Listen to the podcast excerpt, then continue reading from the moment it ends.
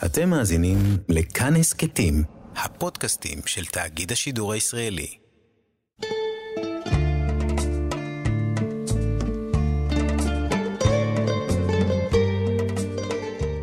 אתם מאזינים לתחנה מרכזית, סיפורה של המוזיקה הישראלית המזרחית.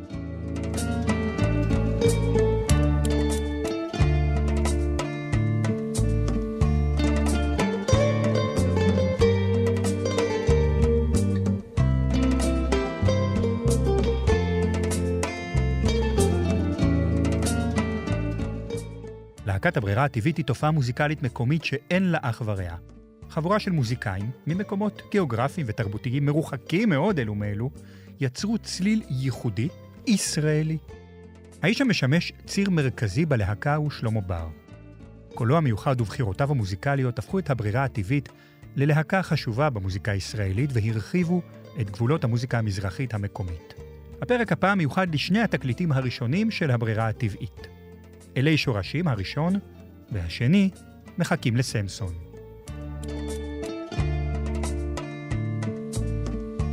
עורך ראשי, ערן ליטבי, מפיקה אחראית, רות דוד אמיר, ביצוע טכני, תמיר צוברי. אני, עומר בן רובי.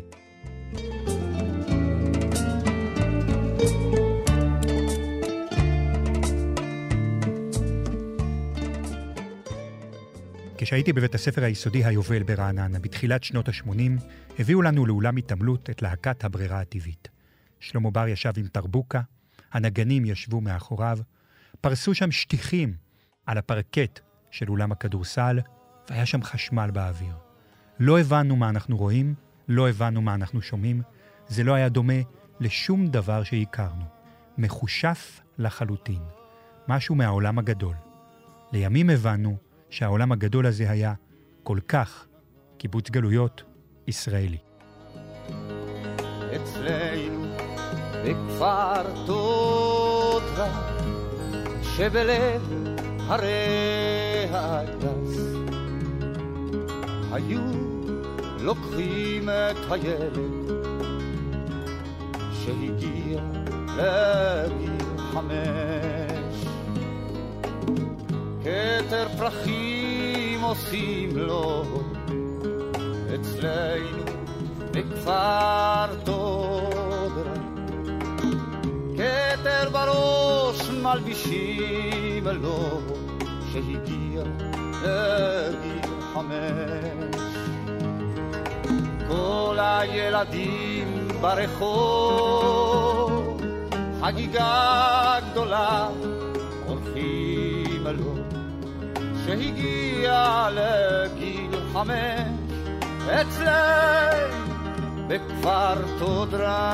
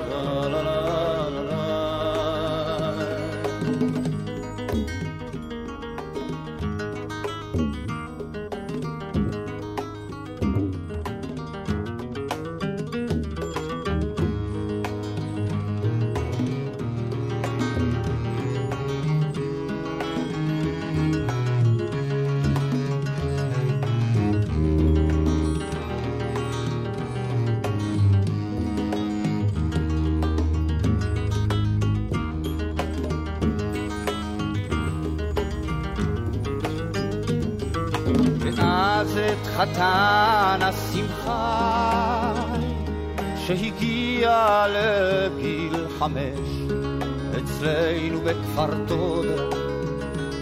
מכניסים בבית הכנסת וכותבים על לוח של עץ בדבר כתש מאלף תו את כל האותיות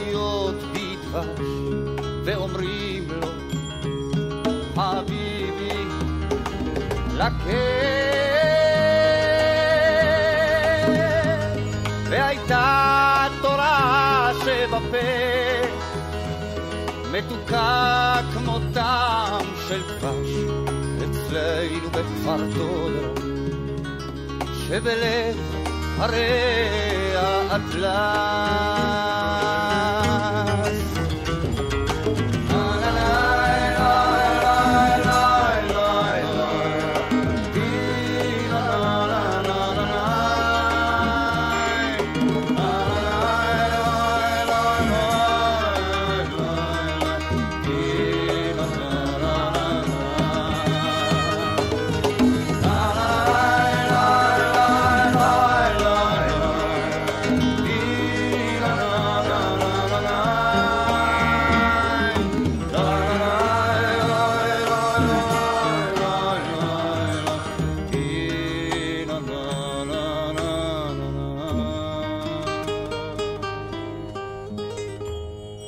עשר שנים לפני האירוע הזה באולם ההתעמלות, בתחילת שנות ה-70, גילה שלמה בר את המוזיקה ההודית והקים עם יחזקאל מסה גאוקר, נגן כלי הנגינה ההודי, הבולבול טרנג, את הצמד טל ומטר. ב-1976, בתיווכו של המפיק דודו אלהרר, הצטרף בר להצגה קריזה, בתיאטרון חיפה, כמלחין שירי ההצגה. את ההצגה קריזה כתב יהושע סובול על בסיס ראיונות שלו עם אנשי עיירות הפיתוח ושכונות מצוקה ברחבי ישראל, שנתיים לפני המהפך הפוליטי של 1977. אלה היו עדויות ראשונות על ישראל השנייה ושל אנשי ישראל השנייה. בציבור הכללי, בתקשורת הממוסדת, לא הרבו לשמוע את הקולות האלה. השיר ילדים זה שמחה נכתב באירוניה. כל מה שהם יודעים לעשות זה ילדים, היה נהוג לומר. בישראל הצעירה על עולי המזרח, בלעג ואפילו ברשעות. והשיר הזה, שהיה סאטירה על זה, ושהיה מחאתי, התקבע בציבור כשיר שמח ואופטימי, שיר שרוקדים אותו. כאילו המסר היוצא ממנו שלמרות הקשיים ובעזרת האמונה, העתיד יאיר פנים. ילדים זה שמחה. זוהי דוגמה מרתקת על גלגולו של שיר שנכתב במקור כשיר מחאה, כזעקה של כאב, כסאטירה של כאילו, תראו מה אומרים עלינו, והפך לשיר חובה בכל שמחה, בכל אירוע, של המזרחים עצמם.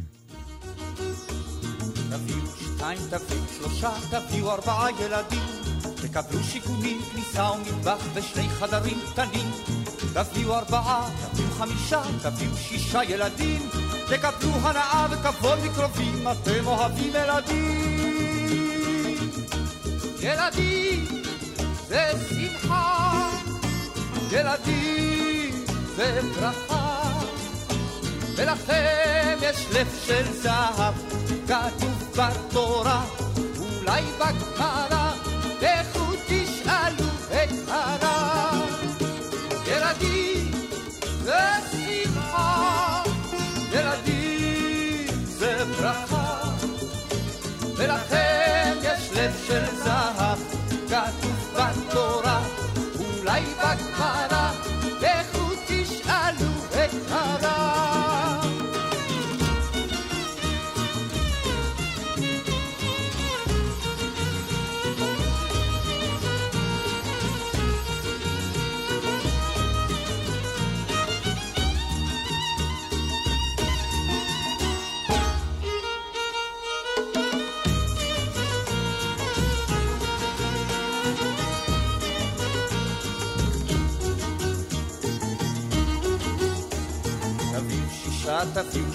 תביאו שמונה ילדים.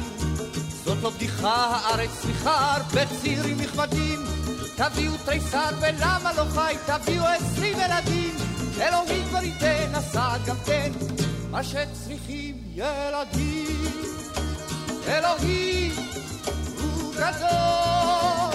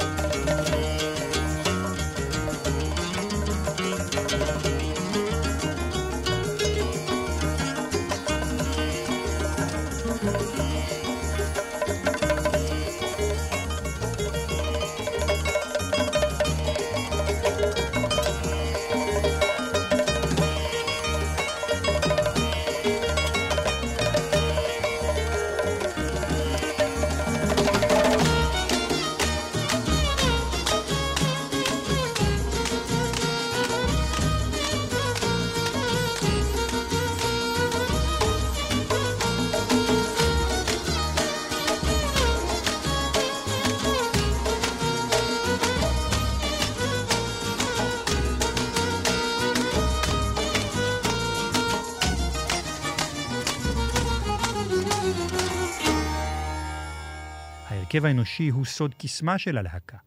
שלמה בר, יליד מרוקו. סמסון קהימקר, נגן הסיטר והכינור, יליד הודו. מיגל הרשטיין, נגן הגיטרה הקלאסית, יליד ארצות הברית, ונגן גיטרת הבאס, ישראל בורוכוב, הוא ישראלי. על השילוב הלא מובן מאליו סיפר שלמה בר בריאיון לעיתון מעריב עם צאת התקליט הראשון. הוא אמר אז, ככל שהרקע שונה, נקודת המוצא היהודית משותפת לכולנו. המקורות שלנו הם הברירה הטבעית העומדת לפנינו. אנו משתדלים לנגן מוזיקה השאובה במידת האפשר ממקורות אלו, בלי ללחוץ בכיוון הזה.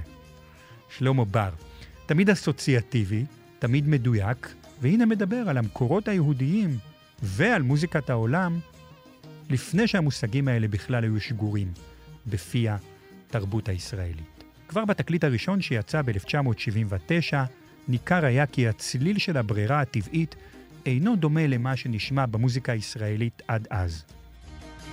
מי שלא היה בחתונה מרוקאית, מי אמר?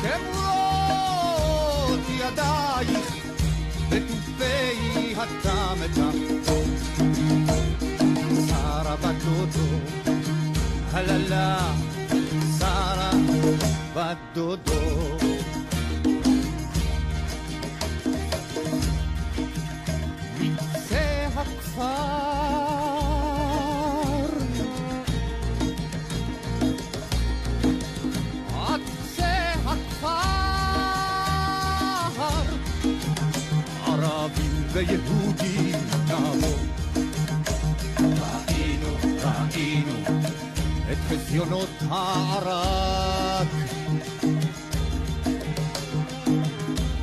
את שרשראות היונים הצלויות. את מרבצי התמרים בשבעה מילים בפתח הבית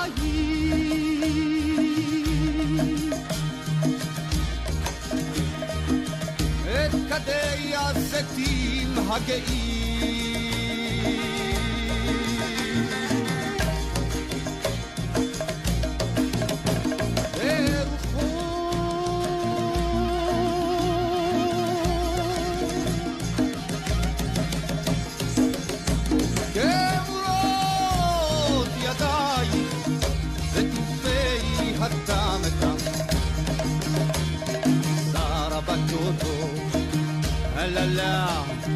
Sara, la, do -do.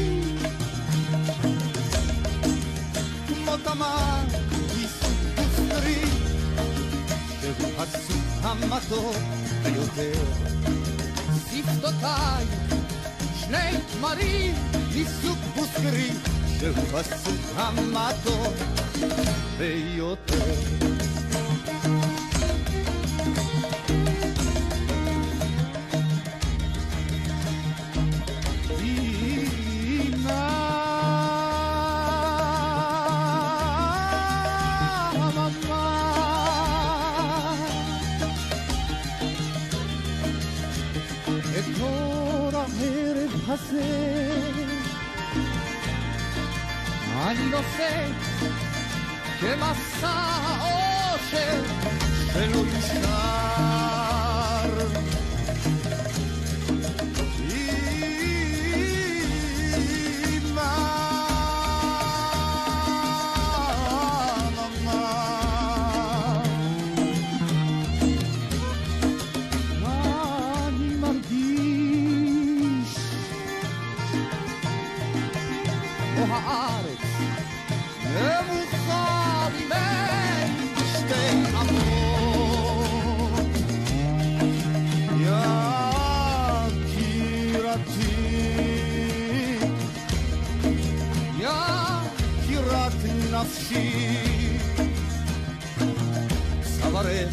מעמד יד דקה, כמו אצבע האצבעות, העטויה ברצועות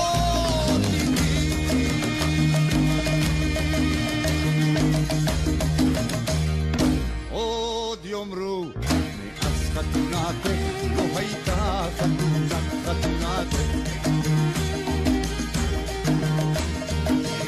חתונתך לא הייתה חתונת חתונתך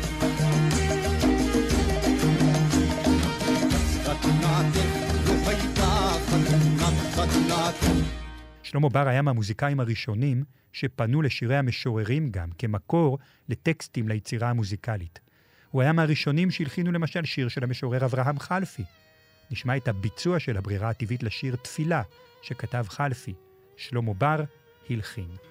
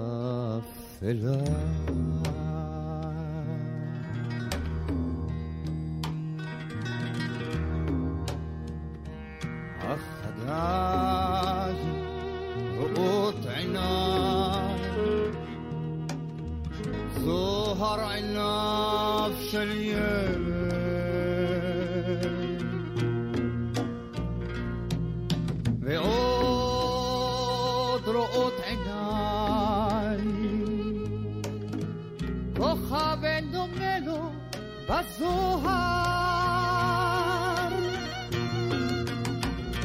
Bailao de un godfani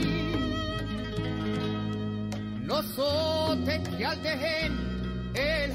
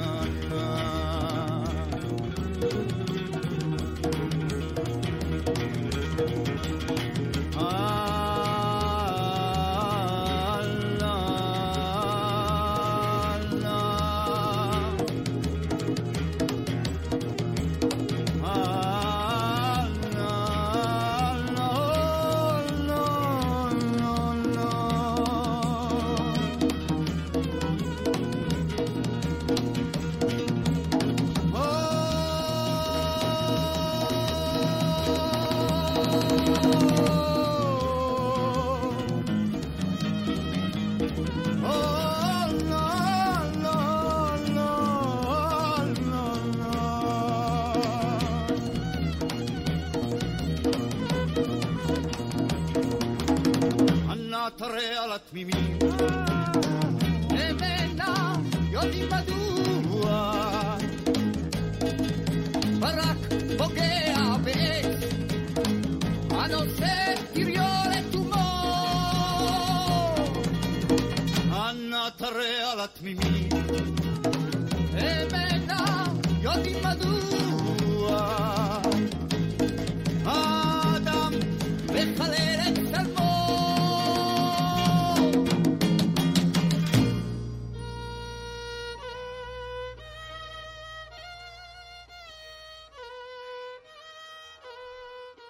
החלטנו לפנות לאחד מהאנשים שאנחנו הכי אוהבים לדבר איתם, על אומנות בכלל ועל מוזיקה בפרט. שלום למשורר רוני סומק. שלום וברכה. בוא תכניס אותנו, רוני, לעולם שבו אתה מתוודע בפעם הראשונה אה, לקיומו של שלמה בר. 1975. יונה וולך עורכת אה, תוכנית שבה היא קוראת שירים שלה והיא מארחת אנשים. המשורר שהיא מארחת הוא אני. שירים שלי מתפרסמים בעיתונים, עוד אין לי ספר, והיא אומרת לי שלאולפן יגיע גם טייח מבאר יעקב, שהוא הלחין שיר שלה והוא הלחין שיר של אברהם חלפי. אנחנו יושבים באולפן הקטן עם הדסה וולמן, והיא אומרת לי, להדסה ולי שהוא גם מתופף. מגיע שלמה בר. הדסה וולמן שואלת, איפה התופים? הוא אומר לה, יש שולחן. הוא נכנס לאולפן, והוא מחייך ואומר שלום, ומתחבק עם יונה, מתחבק עם, איתי, אנחנו מכירים שלוש דקות. ואז מגיע הקטע שהוא מתחיל לתופף על השולחן ולשיר את תפילה של אברהם חלפי. אינני יודע מילים, מהם נוצרת תפילה, כל המילים נעלמו בעיניי והיו כעלמות אפלה. מכיוון שהכרתי את השיר הזה, אמרתי לו שיש שורה שהוא משנה, ואז הוא אמר לי, לא חשוב. וזה רגע מהרגעים שאתה מרגיש שהתקרה עפה. זאת אומרת, פשוט התקרה עפה. השיר נגמר, מחיאות כפיים באולפן, לדעתי בשידור הוציאו אותם, ואחר כך הוא שר שיר של יונה, שני גנים, שמעולם לא היה על תקליט שלו. ואז יונה אומרת לי שהוא השמיע לה את שני גנים, ואז היא החליטה להזמין אותו לאולפן, ואני מסמן בליבי, ואני לא יודע איפה, שאני הייתי עכשיו בחדר הלידה של מוזיקאי גדול. כיוון שמה שהוא עשה שם, אני לא שמעתי מזמר ישראלי שעושה קודם. זה בן אדם שלקח בלוז, לקח מוזיקה גם ערבית וגם מוזיקה צפון אפריקנית וגם מוזיקה ממזרח אירופה, ערבב את הכל יחד, פתח גרון של חיה, וזה כל ישראל, השבועון לספרות, תמיד זה כאלה שירים עם כינורות ברקע ושירי משוררים, זה צווארון לבן. פתאום בא בן אדם ואמר, אני יכול לקחת חלפי, יכול לקחת יונה וולך, ואחר כך הוא יעשה את זה לעוד אנשים, ולהראות לכם, תראו, זה אפשר לעשות גם עם צווארון כחול. תופעה כל כך חריגה בנוף הישראלי של שנות ה-70. אני חושב שבני הדורות שבאו אחר כך, אפילו לא מסוגלים לקלוט עד כמה. אז. לא, לא הבינו את זה. שדודו אלהרר מציע לו, נדמה לי אחרי שנה או שנתיים, לכתוב את המוזיקה לקריזה, מחזה שעושה יהושע סובול, אה, פתאום כולם מכירים את שלמה בר. כפר טודרה וילדים זה שמחה, אבל שלמה בר, גם שהוא בקריזה בתיאטרון חיפה, עדיין מוצג מעט כחריג. מצאנו מישהו שיכול לקחת טקסטים כאלה, להעיף אותם למקומות כאלה, זה חלק מההצגה. רק שיוצא התקליט הראשון, כולם מבינים שהברירה הטבעית היא הברירה שחיכינו לה הרבה זמן. אני זוכר את זה מהילדות, אה, מימי ערוץ אחד. שום דבר שדומה לברירה הטבעית לא היה למסך השחור לבן שלנו. זה היה הדבר היחידי שהיה נראה ונשמע ככה. בעיניי נבנה גשר.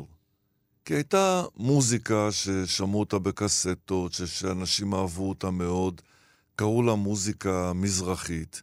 חלק ממנה הייתה מוזיקה ים תיכונית, שאני למשל פחות אוהב. אני רציתי את הסולם התווים המזרחי שהכרתי מהבית. והייתה מוזיקה אחרת, אה, מוזיקה שבעיקר ניצחו באקורדיונים של אה, הלהקות הצבאיות. ופתאום בא בן אדם ואמר, אני בונה קשרים. עכשיו, הוא גם יצא במחאות והרים שלטים בהפגנות, אבל כל השלטים האלה קופלו אחרי שההפגנה נגמרה, ונשארה המוזיקה נטו, וזו מוזיקה מנצחת. עכשיו, יש פה כללים.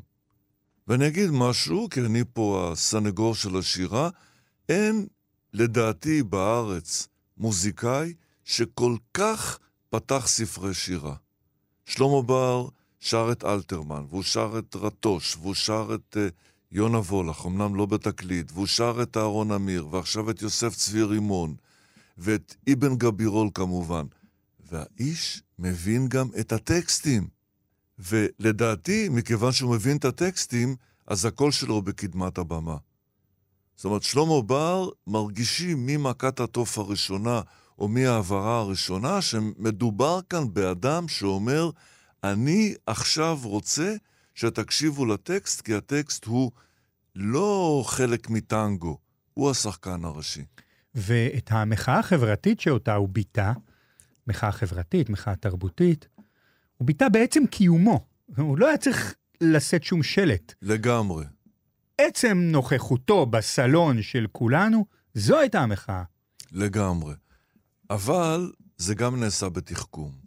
כששלמה בר נקרא ליהושע סובול בתיאטרון חיפה, והוא כותב את uh, לקריזה, את ילדים זה שמחה וכפר טודרה, למילים נהדרות שכותב יהושע סובול, הוא בעצם, אני אומר את זה בהקצנה, משרת של טקסט שנבחר עבורו, והוא כתב מוזיקה נהדרת, והוא הופך להיות חלק מהקונסנזוס. אבל הקטע הגדול ביותר ששלמה מניף באותה הפגנה, הוא שהוא מוצא טקסט שכותב נתן אלתרמן ב-1955. הסיפור הוא כזה, אלתרמן שיש לו טור שבועי בעיתון, קורא קטע שכותב שבתאי טבת, שבו הוא מתאר משלחת של רופאים ואני לא יודע מה, שמגיעה למרוקו ועושה סלקציה, והם מספרים את הסיפור של העולה דנינו. אלתרמן כותב על זה שיר ארוך ונפלא, ושלמה בר יודע שיש שם את השורות שלו.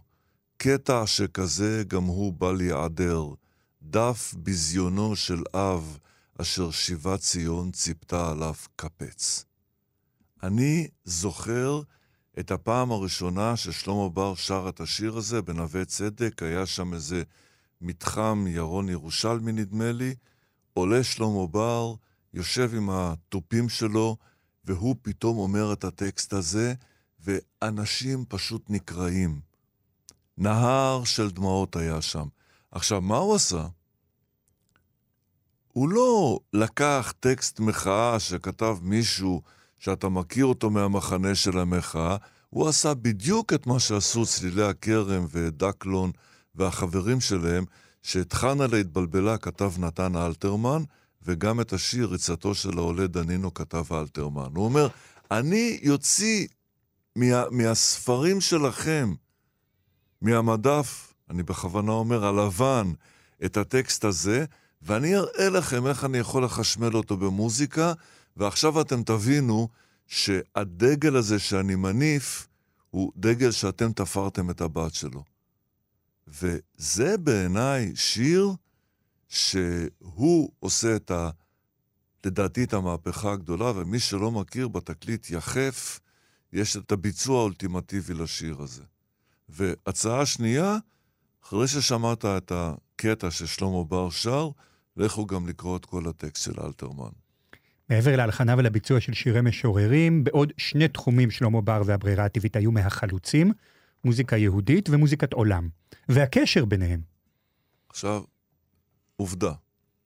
המקומות, אני אומר את זה בלי אחריות, אבל אני אומר את זה בתחושה, שהברירה הטבעית הכי מצליחה בעולם זה פולין והונגריה. אפילו פה ב, ב, בדיסק הזה של המבחר, שיש פה שירים שהוקלטו בהופעה חיה, אז אחד בהונגריה ואחד בפולין. עכשיו, שלמה בר, השחור במרכאות, מצליח במקומות הכי לבנים במרכאות? התשובה היא כן. כי במוזיקה של שלמה בר יש יסודות של מוזיקה מזרח אירופאית. הנה נה ניי ניי ניי ניי יכול גם להתאים לשיר שישירו בבית הכנסת של הרבי מברצלב. יש לו נשמה חסידית. לגמרי. אבל הוא לקח את הנשמה הזאת והכניס אותה לתוך הבלוז המזרחי שהוא עושה, לא הים תיכוני, המזרחי שהוא עושה, ופתאום הטנגו הזה נשמע נפלא. ואם אני מדבר על גשר שהוא בונה, אלה הברגים הכי חזקים. אבל זו אף פעם לא הייתה מוזיקה, אה, אתה יודע, אני לא אגיד את זה לגנותה, אולי אפילו לזכותה, אבל זו עובדה שצריך לומר. ברובה המכריע זו לא הייתה מוזיקה עממית שכבשה את ההמונים. זה תמיד כבש את אלה שרצו להעמיק עוד יותר, במוזיקה, בטקסט, במנגינה, ב- בסיפור. תרשה לי לחלוק עליך, כיוון שאחת ההופעות האחרונות של שלמה בר, שאני קראתי שירים בחלק הראשון, הייתה בספרייה העירונית בדימונה. והגיעו לשם אנשים שאני מניח שהם אוהבי מוזיקה, והם שרו עם שלמה בר כמעט כל שורה שלו. גם בשירים שהיו בתקופה שהיו תקליטים מצד ב'. שירים שאני חשבתי שאף אחד כבר שכח אותם, ופתאום אני הרגשתי שבאמת המוזיקה שלו חלחלה. עכשיו, שלמה לפי דעתי גם הגזים בדיבור על הקיפוח ועל הכל, כיוון שהחיבוק שהוא קיבל, ובצדק רב, היה צריך להיות אולי חזק יותר, אבל גם חיבקו אותו, גם מחבקים אותו, גם אוהבים את מה שהוא עושה. ואני לא חושב ששלמה בר אה, הוא מישהו שחושב שהוא צריך להצליח, אה, אה, נגיד, בצורה פתאומית. ההצלחה, הוא, הוא רץ מרתון. הוא רץ מרתון. אתם לא יכולים לדבר על תוכנית שתעסוק, אה, נגיד, אה, אה, בזמר מזרחי בלי שלמה בר. אם מישהו יעשה תוכנית על מוזיקה ישראלית לדורותיה, היא תהיה עלובה אם לא היה בה שלמה בר, וזה מראה שהאדם הצליח, לא בזיגזג, בחוכמה רבה ובכישרון אדיר לנוע בין כל הדברים האלה. אז לאור כל מה שדיברנו, זו הייתה מוזיקה מזרחית, כי לי נדמה שהמושג הזה, מבחינת זהות ומעמד אה, מתאים לשלמה בר, שהיה סוג של פנתר שחור מוזיקלי, אבל מוזיקלית, ובטח טקסטואלית, זה מושג ממש מצמצם עבור היצירה שלו.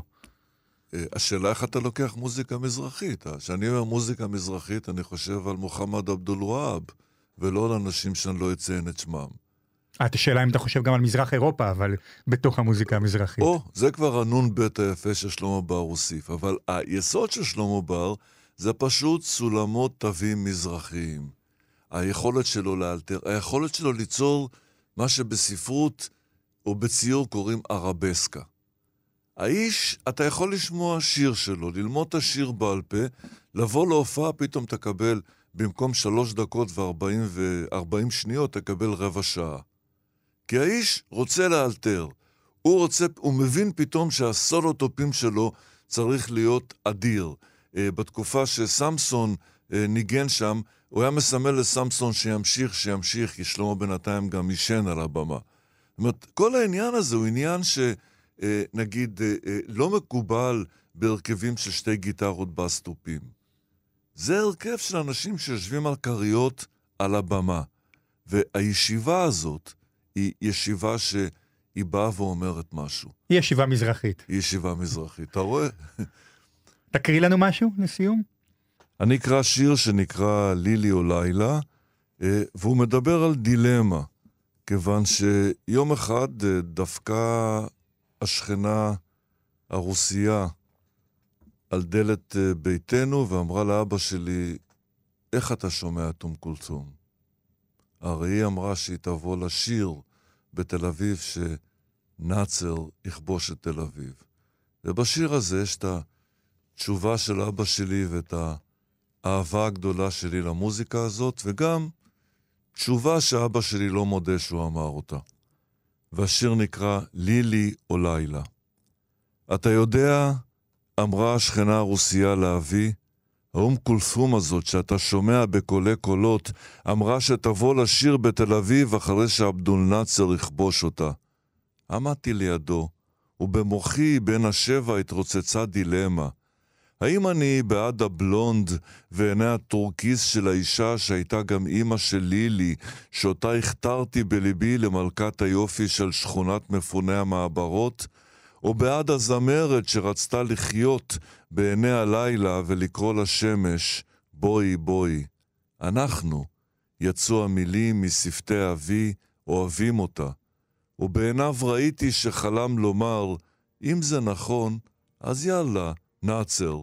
בוא, אפילו לדקה, שמור לי מקום בשורה הראשונה, ואל תיתן לי להפסיד את השנייה ביעיף קולה אפילו את עניבות הפרפר מצוואר הכנרים. וואו, איזה יופי טוב. השיר הזה מתאים להרבה פרקים של תחנה מרכזית, לא רק לפרק הזה. המשורר רוני סומק, תודה רבה. אלבומה השני של להקת הברירה הטבעית מחכים לסמסון יצא ב-1980. השיר הפותח אותו הוא דו-שיח חסידי, והוא ה"אני מאמין" של שלמה בר, שילוב זרמים שונים ביהדות.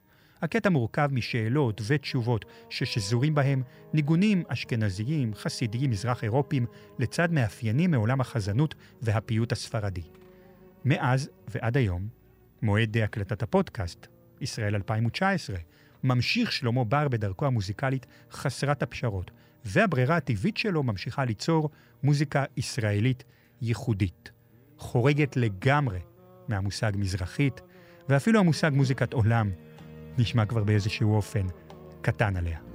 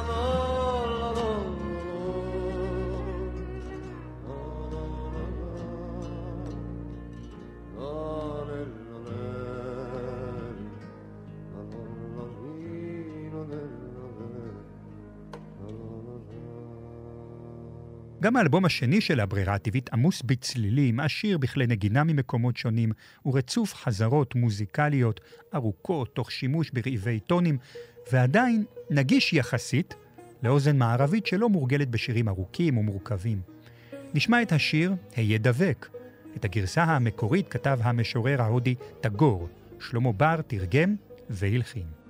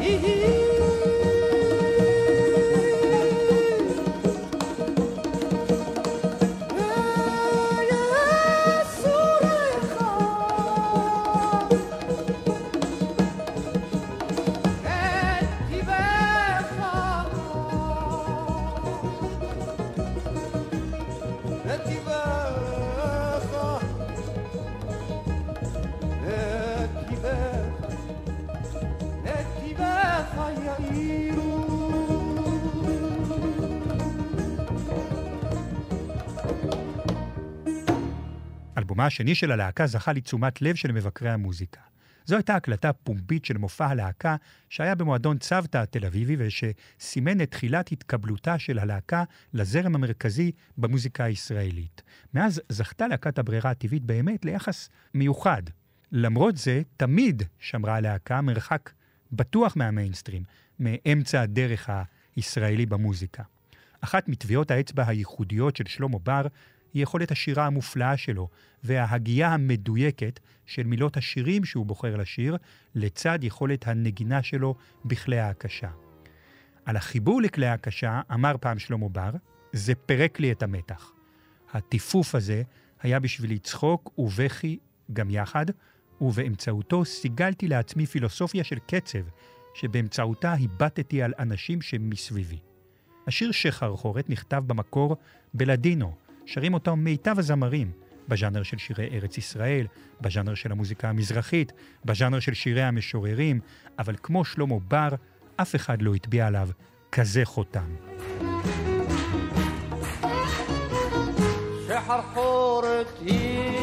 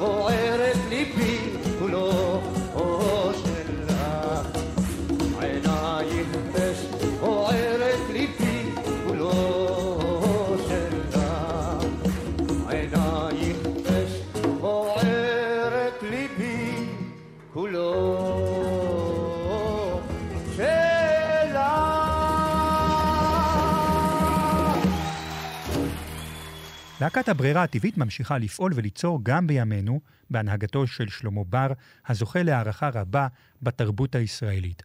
שמו עולה מפעם לפעם כמועמד אפשרי לקבלת פרס ישראל.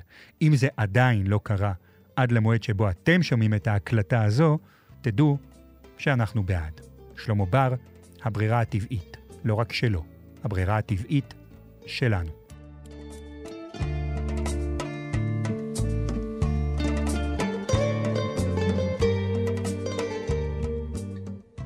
זה היה פרק נוסף של תחנה מרכזית, סיפורה של המוזיקה הישראלית המזרחית. המשך יבוא בפרק הבא.